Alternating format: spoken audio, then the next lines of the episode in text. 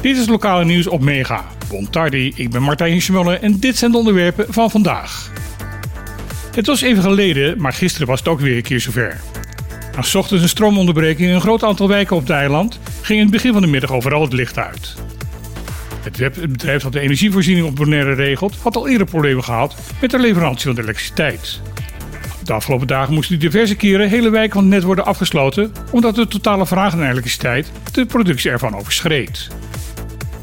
Dit probleem schijnt te maken te hebben met de brand die op 7 juni van dit jaar uitbrak in een van de generatoren van de energieproducent Kanto Global.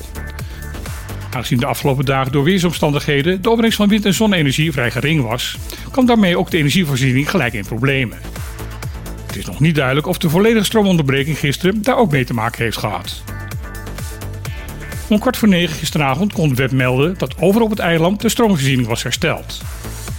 Echter vanmorgen vroeg viel op een aantal plekken opnieuw de stroom uit. Deze ontbreking was gelukkig maar van korte duur. Op woensdag 22 november kunnen overal in Nederland, zowel in Europa als op de Cariben, kiesgerechtigden hun stem uitbrengen over de samenstelling van de Tweede Kamer. En zoals elke keer vragen veel mensen zich af: waar blijven onze stempassen? Ook zelfs tijd is het FXDC-post die zorg draagt voor de bezorging van de stempassen.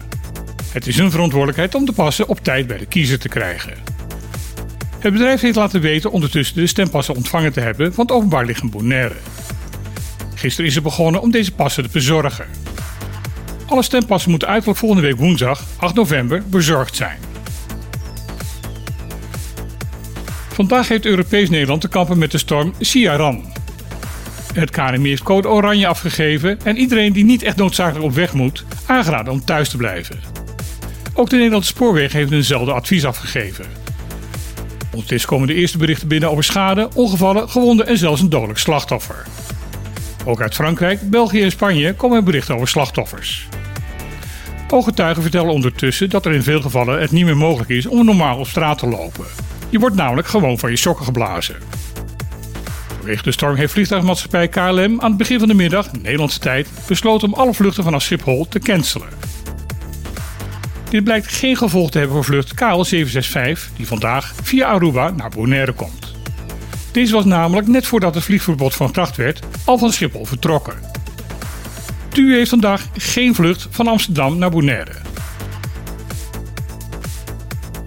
Deze week werd het boek Te kennen van de Nederlandse natuur gepresenteerd.